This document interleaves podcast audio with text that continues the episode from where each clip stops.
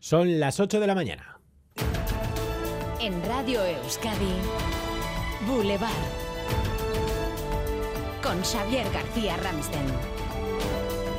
¿Qué tal, Egunon? El gobierno vasco va a presentar esta mañana los dos barcos que tiene ya preparados para afrontar una posible llegada de pellets a la costa vasca. A esta hora en Radio Euskadi les podemos adelantar una foto en directo de esos dos barcos. Tenemos a la unidad móvil en el puerto de Santurci. Natalia Díaz, Egunon, creo que los tienes delante, ¿no? Egunon, sí, justo delante, el Roquillo y el Iru Anayak, uno verde y uno azul. Sus patrones, de hecho, ahora mismo los están preparando porque nos dicen que en unos minutos van a salir con los biólogos de ASTI a hacer las pruebas de esta hipotética recogida de esa red que les van a instalar. Vamos a escuchar a uno de ellos, Eliseo Fernández, patrón del Roquillo. Nos han avisado que tenemos que salir luego para hacer unas pruebas. Con técnicos de con ASTI, biólogos, eso biólogos. Por mediación de la cofradía que nos han avisado, nos comentaron y claro, en una situación de estas no te puedes negar. Pues igual nos tienen una semana haciendo pruebas y luego nos dicen que pesquemos. Bueno, a las diez y media conoceremos en rueda de prensa ya todos los detalles de este operativo que se pondrá en marcha. Recordemos solo si hay que salir a recoger pellets en el mar. De momento el gobierno vasco descarta activar la emergencia en los diálogos. Esta mañana comentaremos esa guerra abierta entre la Junta y el gobierno español en los diálogos. Hoy con Antón Losada, Carmen del Riego e Iñaki Anasagasti.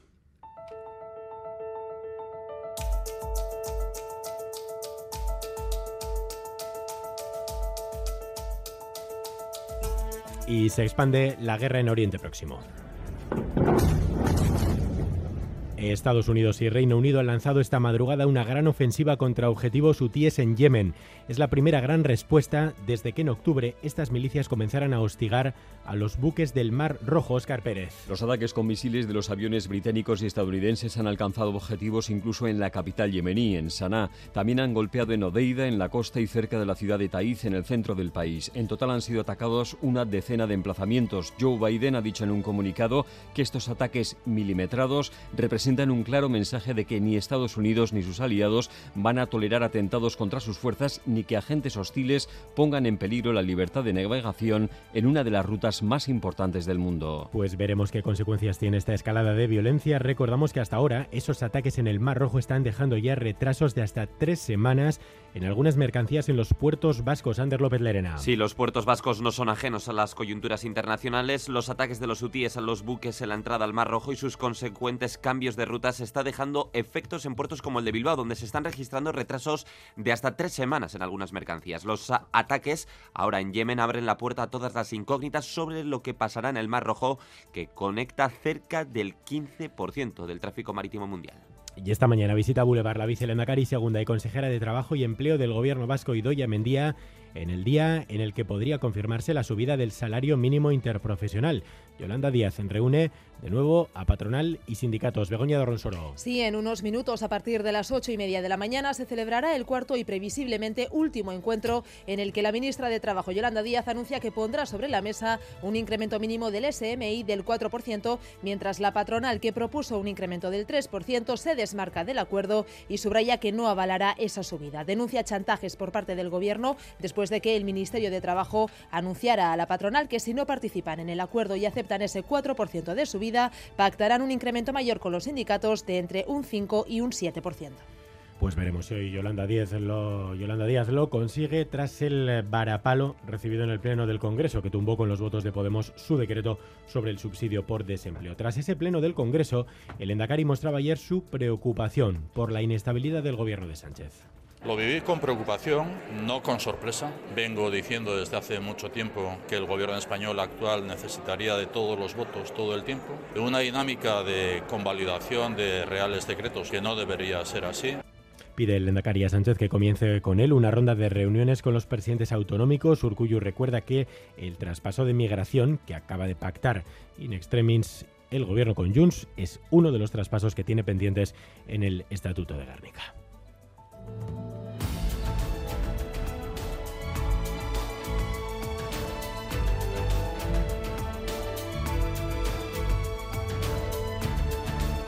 Y repasamos más noticias en titulares con Asier Herrero, Egunon. Egunon. Nelson David se tendrá que enfrentar a un nuevo juicio tras la reapertura de uno de los casos archivados. Es una información que desveló ayer EITB. La audiencia de Vizcaya cree que tiene indicios suficientes para reabrir el caso de la primera víctima del presunto asesino de hombres gays de Bilbao, un profesor de conservatorio. Saúl Castro es el abogado de Gaitu, la asociación que ha interpuesto el recurso que si hay indicios suficientes que se investigue, que se investigue y que no se intente de manera apresurada cerrar y, y desviar eh, la investigación de la verdad y a, y a que se castigue a, a, la persona que sea responsable de estos hechos. Según el informe forense, no se han encontrado patologías que puedan sugerir una muerte natural y se considera más probable que sea una muerte violenta. Israel tratará de defenderse hoy de las acusaciones de genocidio ante el Tribunal de la Haya. Ha puesto al frente al juez más prestigioso del país, crítico con Netanyahu y superviviente del holocausto, Aaron Barak. Ayer escuchamos la acusación del país denunciante, Sudáfrica. Los genocidios nunca se declaran por adelantado, pero esta Corte cuenta con las evidencias de las últimas 13 semanas que muestran sin duda un modelo de conducta e intención que justifica una declaración verosímil. ¿De qué se trata? De actos genocidas. El veredicto final tardará todavía meses en llegar. Sumar, Podemos, Esqueranitza IU y ECUO apuran sus opciones para concurrir en coalición a las elecciones vascas. Hoy se van a reunir para tratar de coser un pacto aunque la tensión de Madrid entre Sumar y Podemos podría tener su reflejo en Euskadi. Todos han elegido perfilado ya sus candidatos. Sumar a Alba García, Equo a Carmen Muñoz, Esquera Nitzaiu a John Hernández y Podemos ha iniciado el proceso de Miren Gorrochategui, aunque todos esperan poder aunar fuerzas. Y hoy se presenta una nueva edición del programa estrella de Euskal Televista, Laida Basurto. Sí, vuelve el conquistador del fin del mundo a ETV2, primer programa próximo lunes con nuevos presentadores Pachi Alonso y Lure Recondo y más sorpresas. Montate ya, mira que estamos llegando. A ver si que van a ver estos, el corta verdadero y el Juanito verdadero. Esa es una de las sorpresas eh, de la vigésima edición. Vuelven Corta y Juanito y además el conquistador estará de nuevo en sus orígenes, en la Patagonia Argentina. Pues vuelve el Conquist verdadero el lunes en ETV2. Titulares del deporte, César Pérez Gazolaz, pues una lástima y además con enfado, pero no, no pudo ser. No pudo ser. Gunón Xavier no pierde 2-0 ante el Barça en las semis de la Supercopa. Los rojos recibían los dos goles en la segunda parte y como decía, se marchan enfadados de Arabia porque el árbitro no pitó una falta previa en jugador Sasuna en el primer gol del Barça. No acertó el equipo de Arrasate las que ocasiones que tuvo y lo lograron así. Sergio Herrera encajaba el 2-0 ya en tiempo de descuento en la final este domingo eh, de la Supercopa, la Supercopa de los Petrodólares, Xavier, este domingo y la que muchos querían, Barcelona-Real Madrid.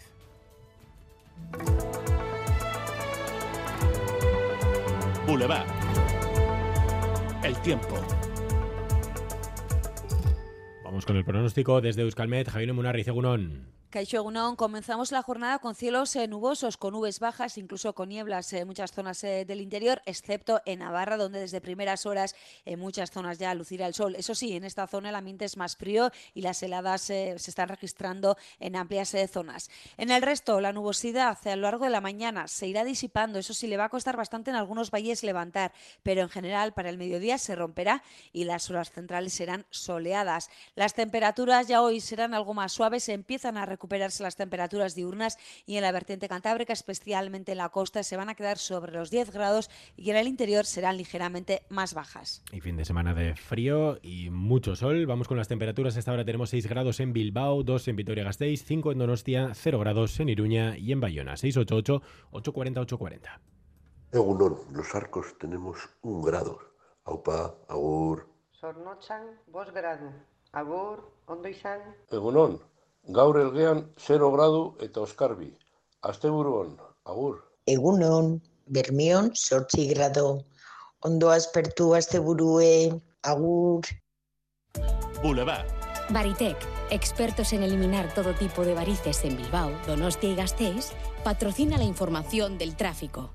Tenemos bastantes problemas esta mañana en las carreteras. Bego, vamos con ellos. Pues sí, eh, tenemos dos kilómetros de retención ahora mismo en la Nacional 637 en Sondica, sentido Erleche. Recordábamos anteriormente que un vehículo había golpeado con, eh, se había golpeado con los restos del reventón de un camión que había un carril afectado. Por, posteriormente en esta zona, colisión de una furgoneta y un turismo que genera esos dos kilómetros de retenciones que afectan también a la circulación en el puente de Rontegui. También tenemos dos kilómetros de retención en la bis 631 en Munguía, sentido Bilbao, en Artebacarra donde un camión averiado está ocupando el, el, arcén derecho y está obstaculizando.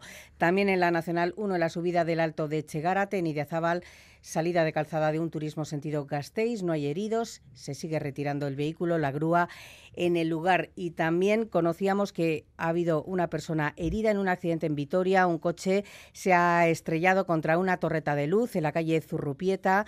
Los bomberos han tenido que intervenir para extraer a la persona del vehículo. Se desconoce el estado del herido. Gracias, Bego. 8 de la mañana y 10 minutos. Escuchas Boulevard en Radio Euskadi. ¿Quieres vivir sin varices el 2024? Olvídate de síntomas tan molestos como picores o dolor y estrena piernas con Varitec. Especialistas en tratamiento de todo tipo de varices sin cirugía, sin anestesia y sin límite de edad. No importa el grado de tus varices, sean arañitas, varices gruesas, úlceras venosas o incluso si han reaparecido después de operarte. En Varitec nos comprometemos contigo. Pide tu primer diagnóstico en nuestras clínicas de Bilbao, Donostia y Gasteiz. Información disponible en varitec.es. Agur Varices. Ayúdanos a mejorar nuestra información con tus comentarios, fotos y vídeos.